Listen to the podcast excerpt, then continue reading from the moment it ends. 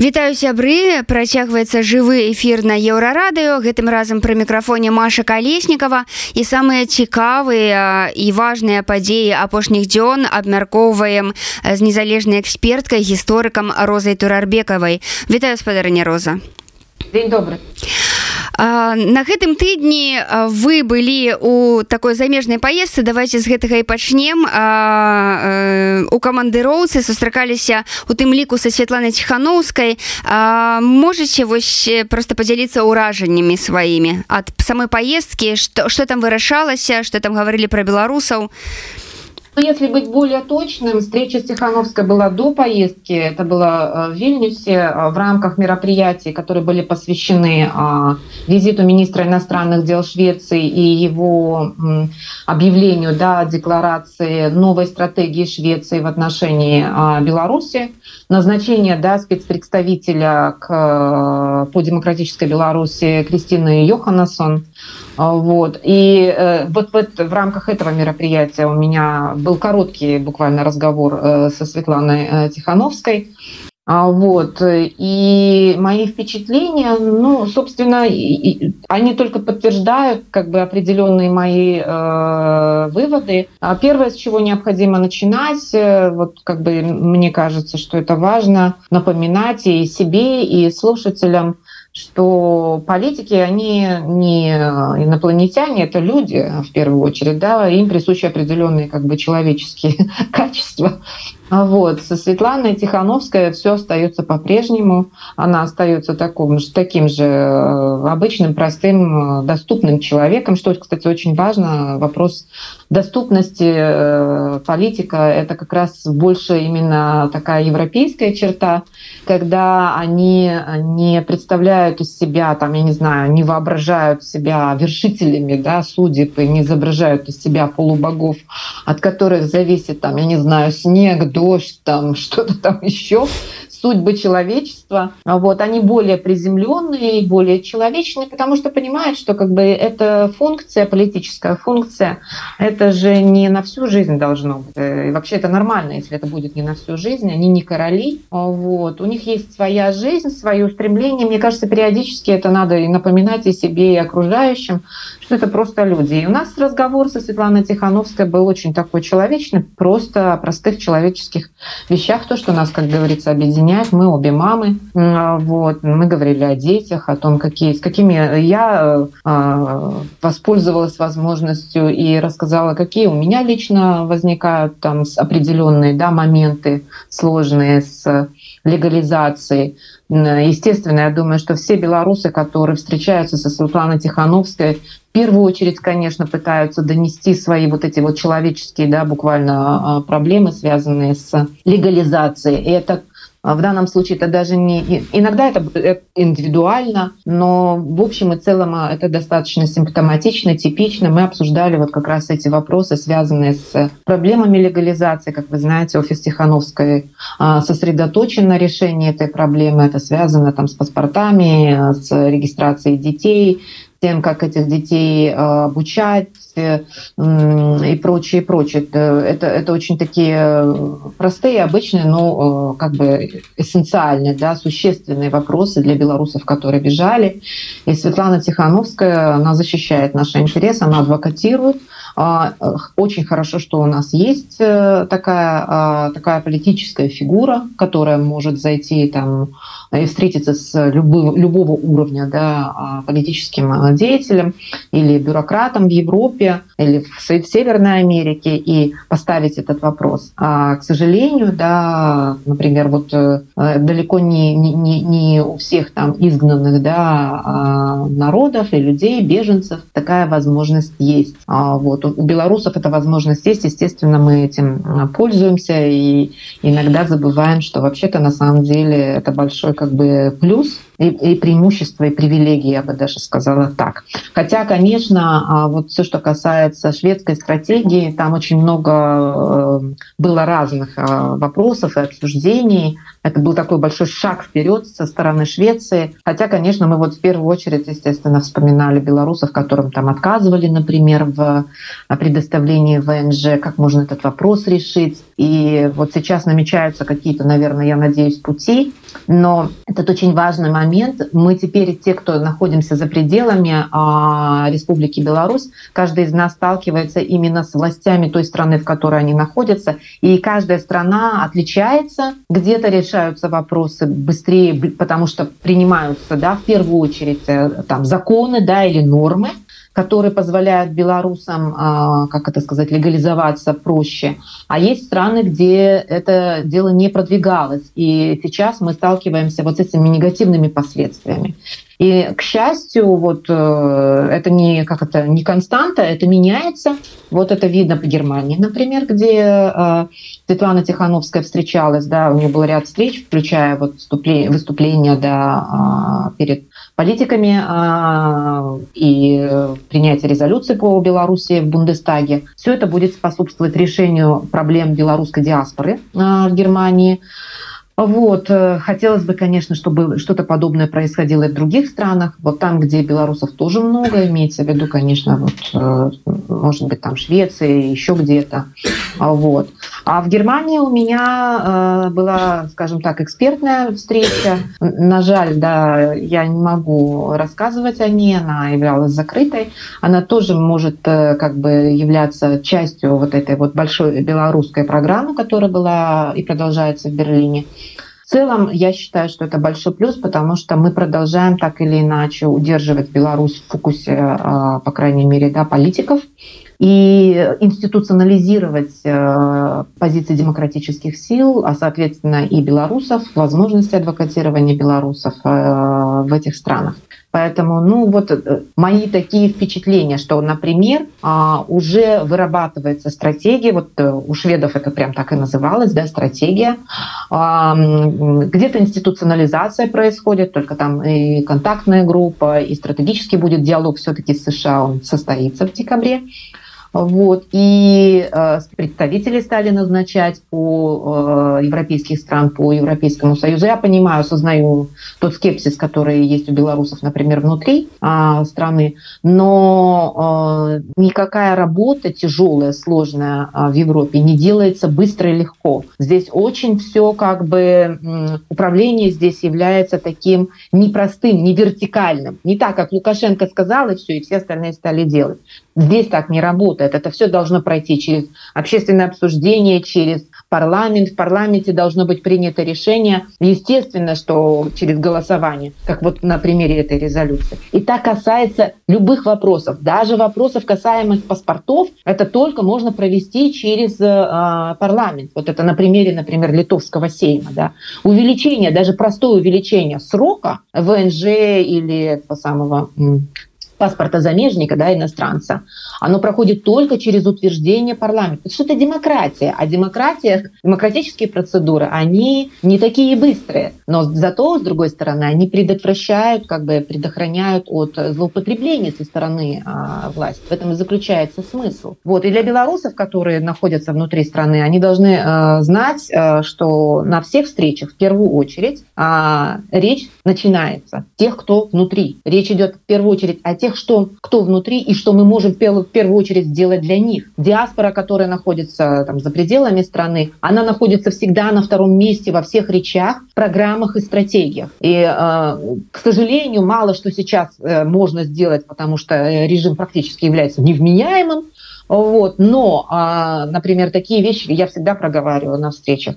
Пожалуйста, сделайте все, чтобы границы не были закрыты. Потому что крайне важно, чтобы границы оставались открытыми, чтобы белорусы имели возможность пересечь эту границу чтобы они имели возможность ездить туда-сюда. Не все 9 миллионов могут уехать, да и вам, наверное, вряд ли это нужно. Да? Вот, но, но мы должны сделать все для того, чтобы у белорусов была возможность получать а, возможность учиться, купить лекарства, съездить к своим а, родным, повидать их, потому что очень многие семьи разорваны да, буквально на две части и, и так далее и тому подобное. То есть вот этот вот, чтобы этот коридор не закрывался.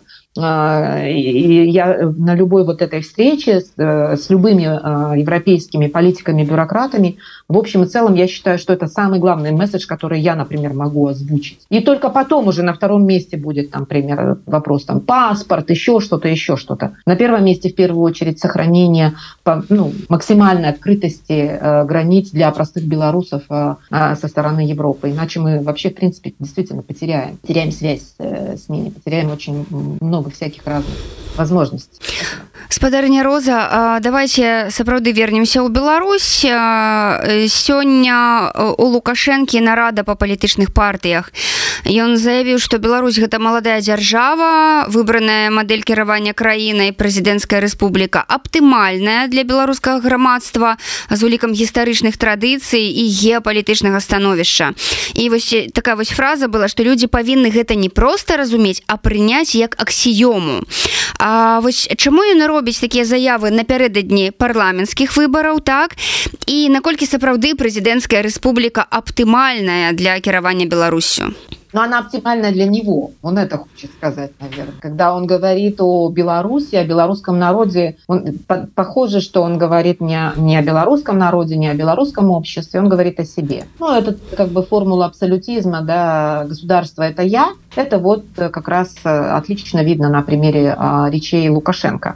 Э, что касается того, э, той зачистки да, политической, которая произошла в отношении политических партий в Беларуси, э, совершенно очевидно, что это такой апдейт авторитаризма в более жесткую форму да, диктатуры, такой, кто-то говорит тоталитарное, кто-то говорит полутоталитарное государство. А вот. Но самое важное здесь даже не вот эти формальные признаки, какой режим, а вот эта вот качественная характеристика того, что специфично в Беларуси. Во-первых, были убраны все те партии, на мой взгляд, да, э, были убраны все те партии, которые ратовали за, собственно, независимость Беларуси.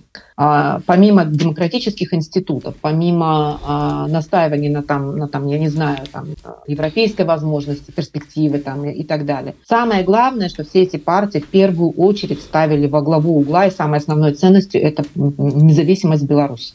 Поэтому они все были фактически разрушены, уничтожены. Лукашенко прекрасно знает, что он сейчас ставит под угрозу вопрос о суверенитете и независимости Республики Беларусь. Но при этом как бы делает вид, что он э, там, продолжает строить э, независимое э, государство. Кстати, между прочим, надо посмотреть с точки зрения контент-анализа, как часто он использует сейчас этот термин «независимость». Скорее всего, он его использует очень редко.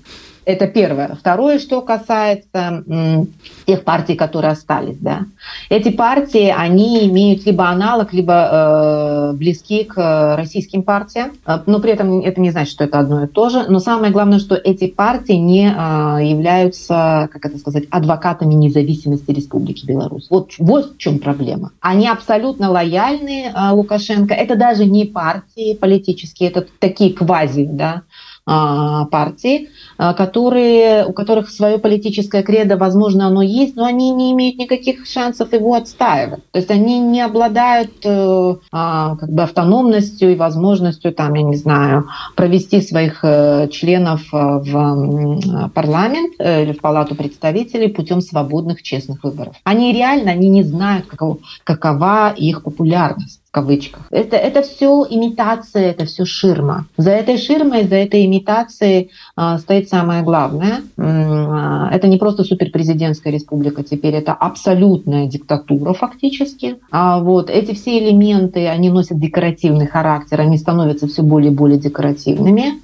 Они отражают в первую очередь умонастроение в голове у Лукашенко. Вот. И, собственно говоря, когда он говорит о том, что там... Как, как вы там сказали насчет того, что это оптимальная форма правления? Так, гэта, гэта, гэта аптымальная для беларускага грамадства з улікам гістарычных традыцый і геапалітычнага становішча там исторических традиций и геополитического положения. Ничего подобного. Вот. С учетом исторических традиций. А под историческими традициями он подразумевает что? Большевистский террор Советский Союз, так тому Советскому Союзу вместе с большевистским террором было всего 70 лет. Ну хотя бы вот начнем с этого Что было до того? До, до того не было ничего. То есть Беларусь была в составе, белорусские земли были в составе Российской империи. Тут говорить не о чем. Традиций нет никаких. То есть их нет. Вот. Какие традиции могли бы быть историческими? Это, конечно, существование такого государства, как Великое княжество Литовское, Речь Посполитая, которая по совокупности, если смотреть на хронологический, да, чисто признак, а, там сколько сотен лет, да, то есть, ну, просто сравнить. Если говорить, ну, если уже говорить об исторических э, традициях, тогда просто давайте сравним, сколько белорусы и белорусское общество, э, предки, да, нынешних белорусов находились в составе Великого княжества Литовского, а потом Речи Посполитой, и сколько лет белорусы находились в составе Советского Союза и Российской империи. В Российской империи у белорусов не было никакой возможности для национальной автономии. Соответственно, мы с вами берем только период Советского Союза и очень небольшой период э, того, что было до, там, я не знаю, Белорусская Народная Республика, предположим. Вот наши с вами исторические, как говорится, традиции. Ну и давайте сравним. О каких традициях он говорит? Вот он как историк, он, вот проблема в том, что э, те, кто им ставили, ему ставили оценки, а он учился заочно, да, те, кто ему ставили оценки, э, э проверить качество его знаний. Я уже давно говорю о том, что э, проблема Лукашенко в первую очередь в его невежестве.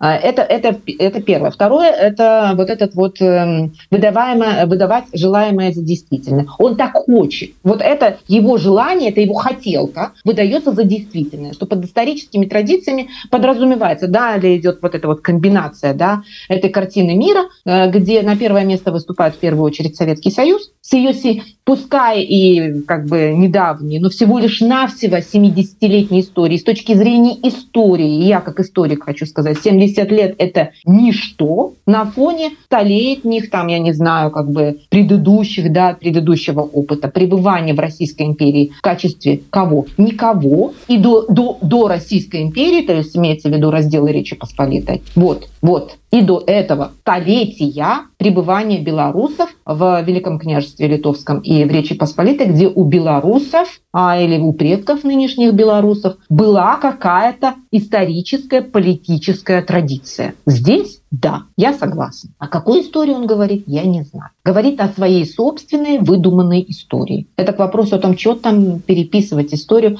Переписывает конкретно они вместе с Владимиром Владимировичем на пару оба как бы э, один знатоки большие истории, оба получают э, историков, не имея для этого а, высшей степени квалификации. Они не, не высокой квалификации, э, под высшей степенью квалификации я подразумеваю в первую очередь ученую, а, ученое звание и научную степень. Не имея этого, мне это все напоминает мои споры с моими родственниками, которые считают, что если они меня старше, значит они больше меня разбираются в истории в политике.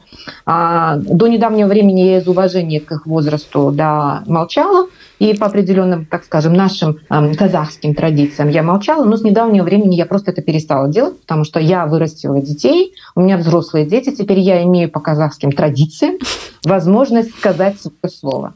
И вот недавно я а, была вынуждена им напомнить о том, что в отличие от меня, они не имеют а, ученого звания и научной степени по истории спадарня роза мы абавязкова вернемся ў Казахстан тому что туды ж прыляцеў Путін так? Але яшчэ хочу вось гэты момант э, з вами абмеркаваць э, что Вадим Гігін э, вырашыў что Владимир караткевич напісаў каласы под сярпом тваім э, недастаткова э, як бы недастаткова добра па гістарычных нейкіх там э, слядах так? І таму в адзін гіген э, вось вырашыў што не трэба беларусам у школе э, вывучаць каласы пад сярпом тваім. Вось што вы пра гэта можете сказаць?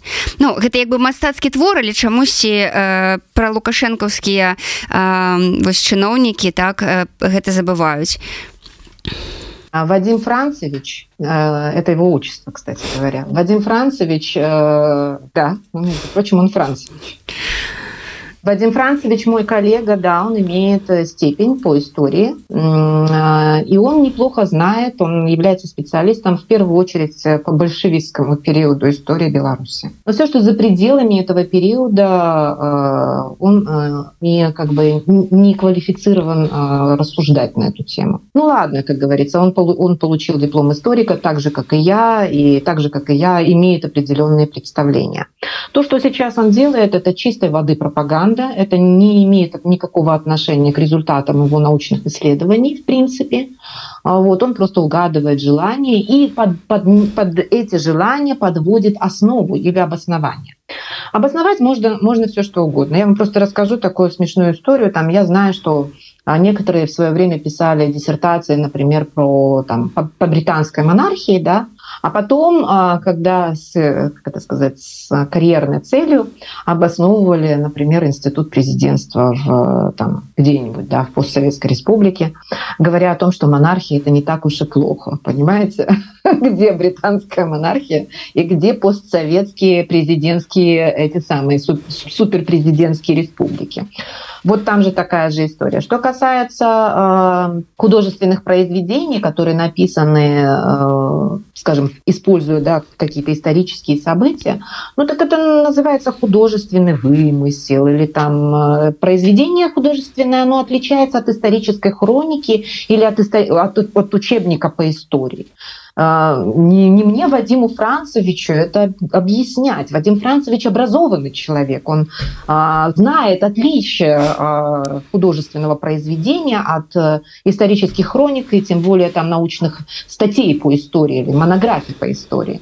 Другое дело, что он выполняет определенный заказ и пытается угадать. Но я хочу напомнить Вадиму Францевичу, я все время буду напоминать ему о том, что у него такое еще и отчество, что он все-таки белорус и э, белорусский историк. Я ему напомню в первую очередь, что одним из стра- самых страшных уроков 20-го столетия а, Холокост начинался, например. А, это не просто было э, преследование евреев, но оно было еще преследование с целью э, уничтожить интеллектуальное наследие э, немецких евреев. И вот я летом, извините, мне в сентябре была в Геттингенском университете, и там есть такая большая такая стойка стеклянная, где перечислены фамилии всех э, профессоров Геттингенского университета, которые были преследованы по политическим мотивам в 30-е годы 20 века. Ректор этого университета начинал с того, что они изымали книги из библиотеки университета, а в первую очередь евреев, да, и э, тех, кто был так или иначе,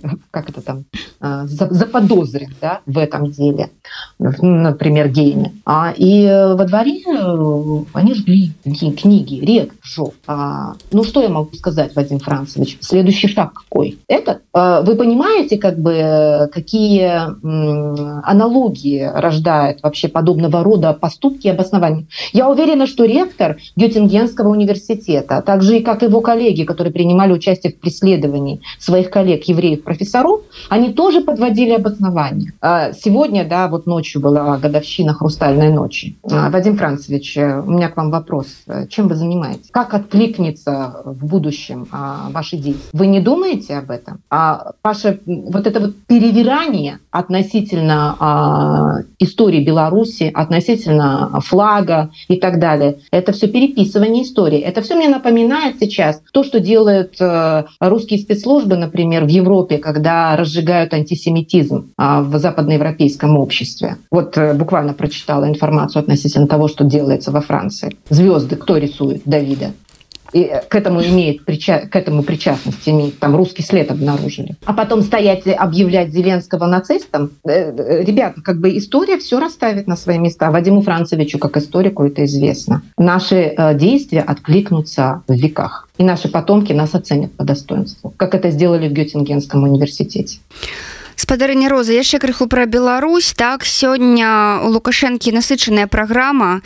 Ён перад тым як пачаў разбірацца з партыямі яшчэ прыняў прэм'ера кубы і сказаў что у прынцыпе там з палітычнымі адносінамі з кубай і гуманітарнымі ўсё добра А вось гандлёва-эканамічнымі адносінамі з кубай ён незадаволены і трэба нешта з гэтым рабіць.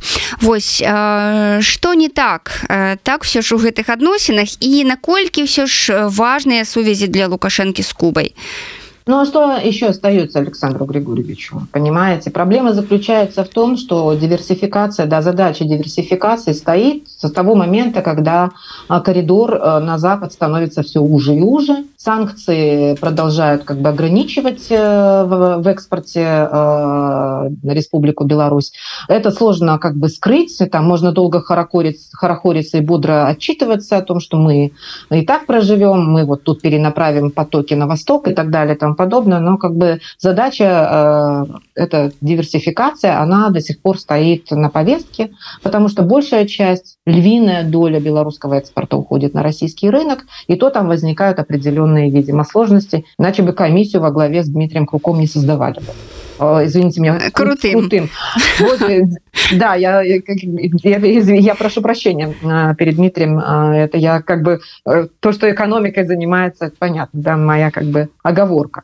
Вот, поэтому, что касается Кубы, то мне очень сложно, как бы, во-первых, я, я не смотрела, какой там товарооборот, но я думаю, что он настолько мизерный, что и говорить не о чем. Вот, во-вторых, он опять обозначает главную проблему, а главная проблема это все-таки диверсификация, потому что диверсификация, несмотря на то, что он постоянно об этом говорит, не а, реализуется. Как там говорили на Востоке, там можно говорить миллион раз слово халва, но от этого слаще во рту не станет. Вот та же самая история здесь. Пока так. Тады давайте крыху пра замежныя справы. Вось мне вельмі спадабалася гісторыя як Путін прыляцеў у Казахстан. Э, гэта па-першае пяты раз за год так? І э, спадар такаеў э, назваў Расію партнёрам і саюзнікам. Э, Пры гэтым напярэдадні э, астану наведаў Эмануэль Макрон і яшчэ дагэтуль у Астане адкрыўся еўрапейскі цэнтр НАТО. І э, ці звязаныя нейкім чынам вось э, гэтыя ўсе падзеі, што маўляў, тут Макрон тут адразу прылятае Пуін так. І ці ўсё ж э, можна казаць пра тое, што Казахстан выходзіць э, за межы залежнасці ад рассіі. Это было бы слишком сильно сказано, потому что зависимость от России является критической, а, в том числе и что касается критической инфраструктуры. Извините за это масло масляное. Я могла бы более подробно об этом говорить, но я просто обозначу только. Да, это транспортная инфраструктура, а, и зависимость с точки зрения транспортной инфраструктуры является колоссальной. А, сравнить это невозможно, например, даже с Белоруссией или Украиной, потому что в отличие от Беларуси, Беларуси, Украины, которые либо имеют выход к морю, либо имеют близкий, да, как бы близкую позицию к морю, а, вот, э, которые имеют развитую достаточно инфраструктуру с севера, а, ну, по крайней мере, с запада на восток и даже с севера на юг. А вот, в отличие от всего от этого, Казахстан в основном транспортно связан только с, ну, в большей степени с Россией, потому что там буквально там три или четыре железнодорожные ветки из, по-моему, 12 железнодорожных маршрутов, да, не России российский, а все остальное на России. Э, перестроить это в короткие сроки очень сложно, потому что речь идет о критической инфраструктуре, которую, в которую надо очень много вкладывать, раз. Во-вторых, э, э, Казахстан является замкнутым государством, landlocked, то есть как бы не имеющим выхода к морю, не просто не имеющим выхода к морю, а находит, находится в центре Евразийского континента, глубоко внутри материка. Единственная возможность выхода к морю – это Россия, Китай, а все остальные выходы, они носят очень сложный логистический характер. Там, если через Каспий это э, Кавказ, тогда через Кавказ уже в Турцию, через Турцию уже в это море Средиземное. То есть можете себе представить, да, насколько это сложно с точки зрения там, даже построения этой инфраструктуры вот, либо через Афганистан, что само по себе уже представляется не очень хорошим как бы, а, примером. Хотя, э, если эта задача решаться будет, то э, центральноазиатские страны более как бы свободно вздохнут, потому что это самый будет кратчайший путь к морю. Я имею в виду Афганистан. Это к вопросу о том, почему центральноазиатские государства так заинтересованы а, в поддержании, пускай ну, люб, ну, на хорошем mm-hmm. уровне связи даже с талибами, вынуждены, потому что они должны для себя решать вот такие очень, э, как это, экзистенциальные вопросы. Это экзистенциальные вопросы. Это я вам говорю сейчас только про транспорт. Я не, не говорю вам сейчас ни про оборону, ни про наличие военных полигонов на территории э, Казахстана. Они огромные, колоссальные. По каждому из них заключались договоры. Эти договоры, естественно, были подписаны все в пользу России. Вот. Я уже не говорю о наличии таких стратегически важных объектов для России на территории Казахстана, как космодром Байконур. Вот. Не говоря уже о том, что граница Казахстана с Россией является самой продолжительной границей во всем, вообще во, э, во всем мире, самой продолжительной. И, естественно, оборудование этой границы, оно продолжается, оно очень будет долгое и длительное, и поэтому все это время надо сохранить добрые соседские отношения с Россией. Поэтому, ну, уже не, почему транспорт, mm-hmm. вывоз всего остального, да, всех ресурсов, чем богат Казахстан, и на, в первую очередь из чего складывается доходная часть бюджета. Поэтому вы будете говорить все для того, чтобы у вас сохранялись добрые соседские отношения с таким государством, которого, от которого есть такая а, степень зависимости. Выстраивать баланс необходимо, но очень аккуратно, потому что вы видите, как а, Россия и российское руководство реагируют. Если говорить э, визиты, э, про визиты, то здесь такие как раз это не, не, э, не вопрос того, как захотел Путин или Макрон, а это вопрос того, как был согласован этот график визитов задолго до того. Понимаете, визиты не готовятся за неделю или даже за две. Это, эти визиты готов, этот, этот график готовился достаточно давно. Это как скорее свидетельствует о том, как Министерство иностранных дел Казахстана работает. То есть какая у них стратегия, какая стратегия у администрации Такаева. Это они выстраивают этот баланс. Ведь до этого Такаев совершил очень серьезное путешествие, серьезные визиты, такой там подряд, да, несколько визитов было а, в страны Европейского Союза, в частности Германии. Вот, то есть как бы все это свидетельствует о, о, о попытке э, такого выстраивания баланса. Европа, кстати говоря, к этому относится с таким большим а, уважением и пиететом. Я видела их публикации, в частности у немцев видела публикации, не только там Deutsche Welle, а, вот, э, о том, что они понимают э, политику Казахстана Казахстана, его поведение, тем более, что такая взял на себя сейчас обязательство все-таки прекратить вот этот вот обход санкций через территорию Казахстана. И судя по тому, как реагирует сейчас Россия, видимо, это не просто слова. Значит, за этим будут действия, уже действия эти, конкретные меры предпринимаются. Это очень сложная игра, я вам хочу сказать сразу. А, Такаев и Мерзиев вдвоем встречались с Путиным. Они а, отчасти пытаются согласовать с ним интересы. Понятно, что Путин доминирует, настаивает на своем. Речь идет об экспорте газа через Казахстан и Узбекистан. Далее, потому что вы знаете, что Россия потеряла газовый рынок в Европе, они просто захлебываются в этой связи. «Газпром» фактически является убыточным предприятием. Вот, поэтому э, это только маленькая толика того, что можно сказать сейчас про этот визит. А вот, конечно, Путин э, сейчас себя ведет как человек, который является самым влиятельным э, лицом и политиком Центральной Азии, что отчасти правда, но это не значит, что это так будет всегда.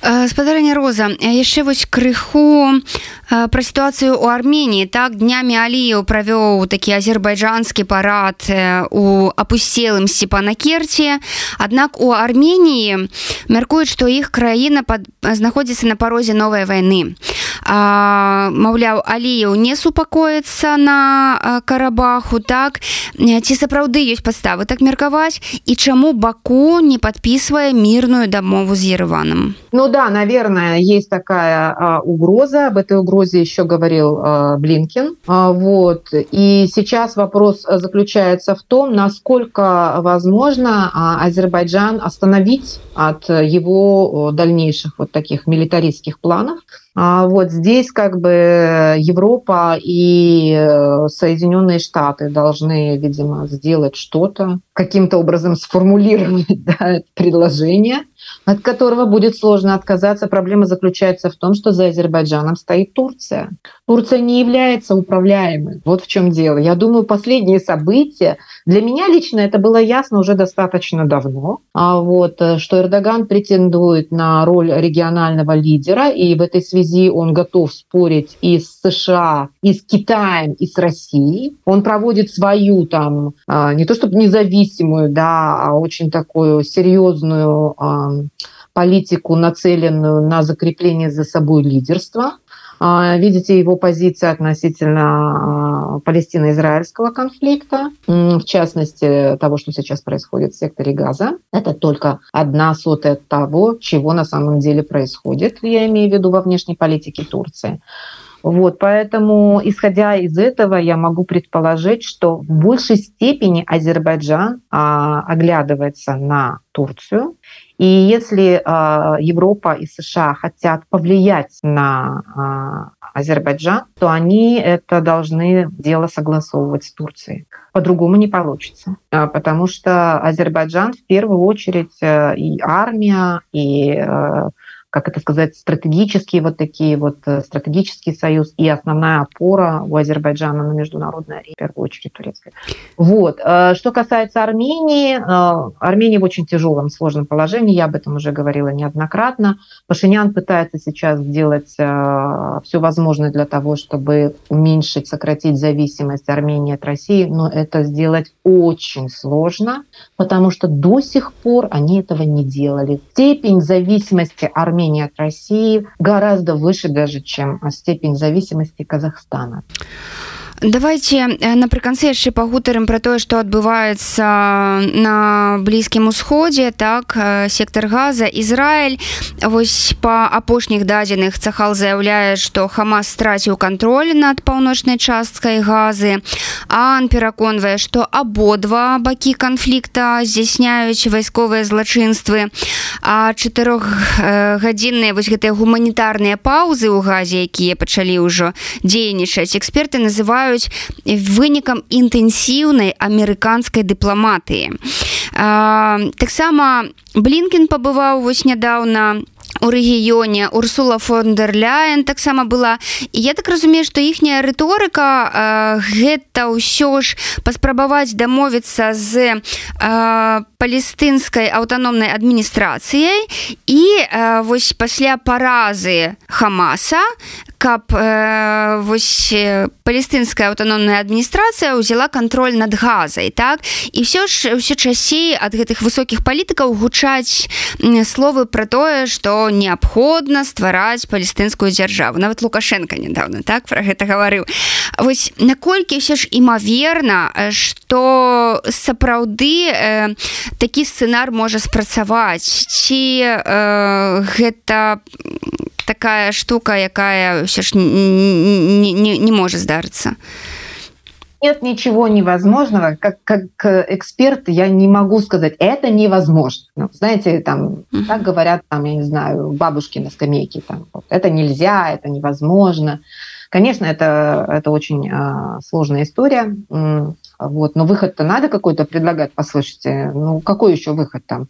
Либо там вернется хамас туда. Насчет поражения хамас э, я бы была бы осторожна сейчас еще а, вот. Еще раз опыт талибов показывает нет ничего такого чего не может вернуться назад к сожалению. А, вот. Тем более что э, южная часть э, сектора газа все еще как бы находится в руках хамас. Это во-первых вот. Во-вторых, что касается передачи под контроль палестинской национальной администрации, то это формально это выглядит как хорошее предложение. Mm-hmm если не знать внутренней истории. Внутренняя история заключается в том, что в свое время палестинская национальная администрация себя дискредитировала с точки зрения коррупции. Почему, собственно, партия Хамас и выиграла выборы, почему Хамас фактически взял контроль. Между ними была война, я имею в виду между Дуфатх и Хамас. Была война настоящая. А вот в результате Фатх отступил, и Хамас полностью установил контроль над сектором газа. В общем, собственно говоря, фактически это было предсказуемо, и с тех пор как бы Хамас фактически управляет этой территорией. Вот сектор газа. Значит, сектор газа отличается высокой плотностью проживания там населения. На небольшом как бы, на небольшой территории проживает очень много людей, там очень высокая плотность населения, в результате чего и было такое количество жертв среди мирного населения. Это все было предсказуемо. На все это далось добро. То, что Израиль как бы будет бомбить, прежде чем войти, ну, понятное дело, как бы к бабке не ходи, да, не надо быть военным стратегом и вообще специалистом в военном деле, чтобы это понимать. И то, что это приведет к большому количеству, к очень э, серьезной гуманитарной э, катастрофе, это было предсказуемо с самого начала. Еще они не вошли, я уже об этом говорила. Ну что, все три миллиона будете убивать? Я не знаю. Там по-другому не получится. Будут человеческие жертвы, будет, э, э, сказать, и в первую очередь инфраструктура гражданская будет страдать. Сады, школы, больницы и мечети. Теперь вот рассказывают о том, что там туннель. Можно подумать, до этого не знали. Можно подумать, не знали, что ракетные установки ставят прямо на высокоэтажных, многоэтажных э, квартирных домах, да, где люди живут. Можно подумать. В этот момент все сделали вид, что они этого не знают. Теперь, когда э, количество мирных э, граждан, погибших от бомб Цехал, превысило какое-то там, я не знаю, немыслимое количество. То есть, понимаете, чтобы, чтобы вы понимали, в эти дни уже активной фазы да, ведения военных действий, каждые 10 минут погибал ребенок в секторе Газа, э, количество погибших детей, уже я не считаю взрослых, уже я вообще никого не считаю, уже просто детей считаем. А вот уже э, это тысячи детей. А вот э, это это все кровь на чьих руках. Понимаете, в чем дело? Это все на чьих э, руках кровь это.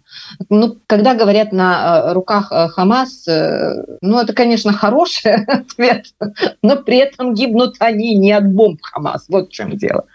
И, конечно, это к вопросу о том, почему Блинкин и европейская дипломатия сейчас поворачивают да, дело таким образом, чтобы остановить вот интенсивность обстрела, чтобы вывести как можно большее количество да, мирного населения из-под обстрелов.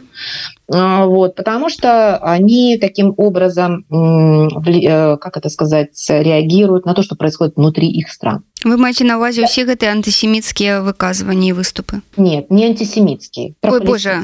Простите. Угу. Антисемитские – это когда а, звезду Давида рисуют, да, угу. и там начинают всякие гадости говорить про евреев. Это а, антисемитизм, согласна. Тогда, когда люди выходят с палестинскими флагами, это не антисемитизм.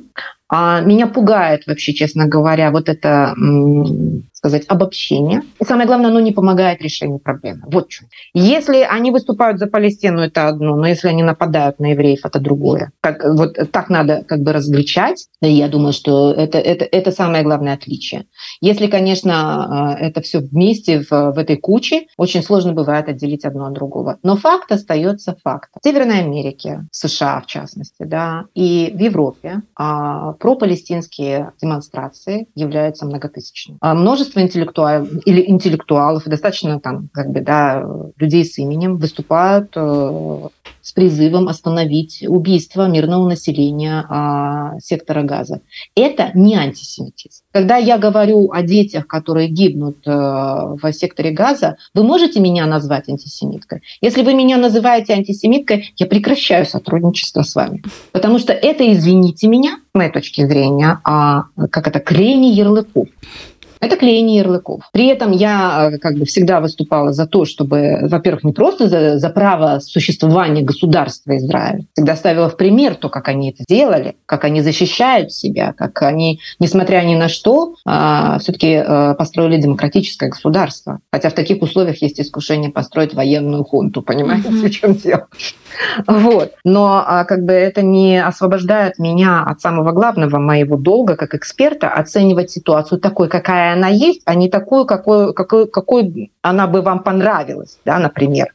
Вам понравилось бы, или государству Израиль бы понравилось, или бы там, я не знаю, моим уважаемым коллегам каким-то бы понравилось. Я буду оценивать так, ситуацию такой, какая она есть. А она такая. А мирное население сектора газа гибнет в больших количествах. Это было предсказуемо. Надо было изначально это продумать. Я думаю, что об этом думали, но решили, что э, Цахал может провести эту операцию быстро и эффективно. Это м, утопия, который сейчас на наших с вами глазах рушится фактически. И вынуждены а, правительство Соединенных Штатов и стран Европейского Союза под воздействием изнутри а, настаивать на том, чтобы Израиль все-таки а, давал возможность исхода мирному гражданскому населению, которое, естественно, оно не может не гибнуть под бомбами, понимаете? Там на каждом из них а, не стоит пометка «Хамас», не «Хамас». Как их отличить? Как их отличить? Очень легко, конечно, вот там а, лежит, а, там, я не знаю, а, ряды а, погибших тел, да, трупов. Очень легко, конечно, подойти и сказать, ну это же эти боевики Хамас. Где? У них членские билеты есть, что ли? Ну как? Вот как вы их отличите одних от других? Проблема же в этом. И их можно отличить только одних от других только тогда, когда они с оружием в руках. Тогда вам становится понятно, да, что это боевики. По-другому вы не можете. Или у вас есть список, или у вас есть там, я не знаю, как это список экстремистов, террористов, да, с фотографиями и с прочим. Вот. Но во время, как бы, когда бомба летит, она не видит, куда, как бы, на кого она падает. Вот в чем дело. А падает она как раз, там очень сложно отделить одно от другого. Падает она, как правило, на гражданские объекты, понятно. Я вам недаром говорю про плотность населения и плотность застройки. То есть это все можно было как бы предсказать, но, видимо, расчет был такой, что сделают очень все быстро, оперативно, ведь Сахал такая профессиональная армия. Ну, какая бы профессиональная армия ни была, она по-другому воевать не умеет. Она воюет обстрелами, вхождением да, тяжелой военной техники, обстрелами в первую очередь из тяжелой военной техники, которая влечет за собой большое количество жертв среди мирного населения. По-другому не бывает. Поэтому самым эффективным сейчас является вывод мирного населения из этого сектора. А и куда же его деть?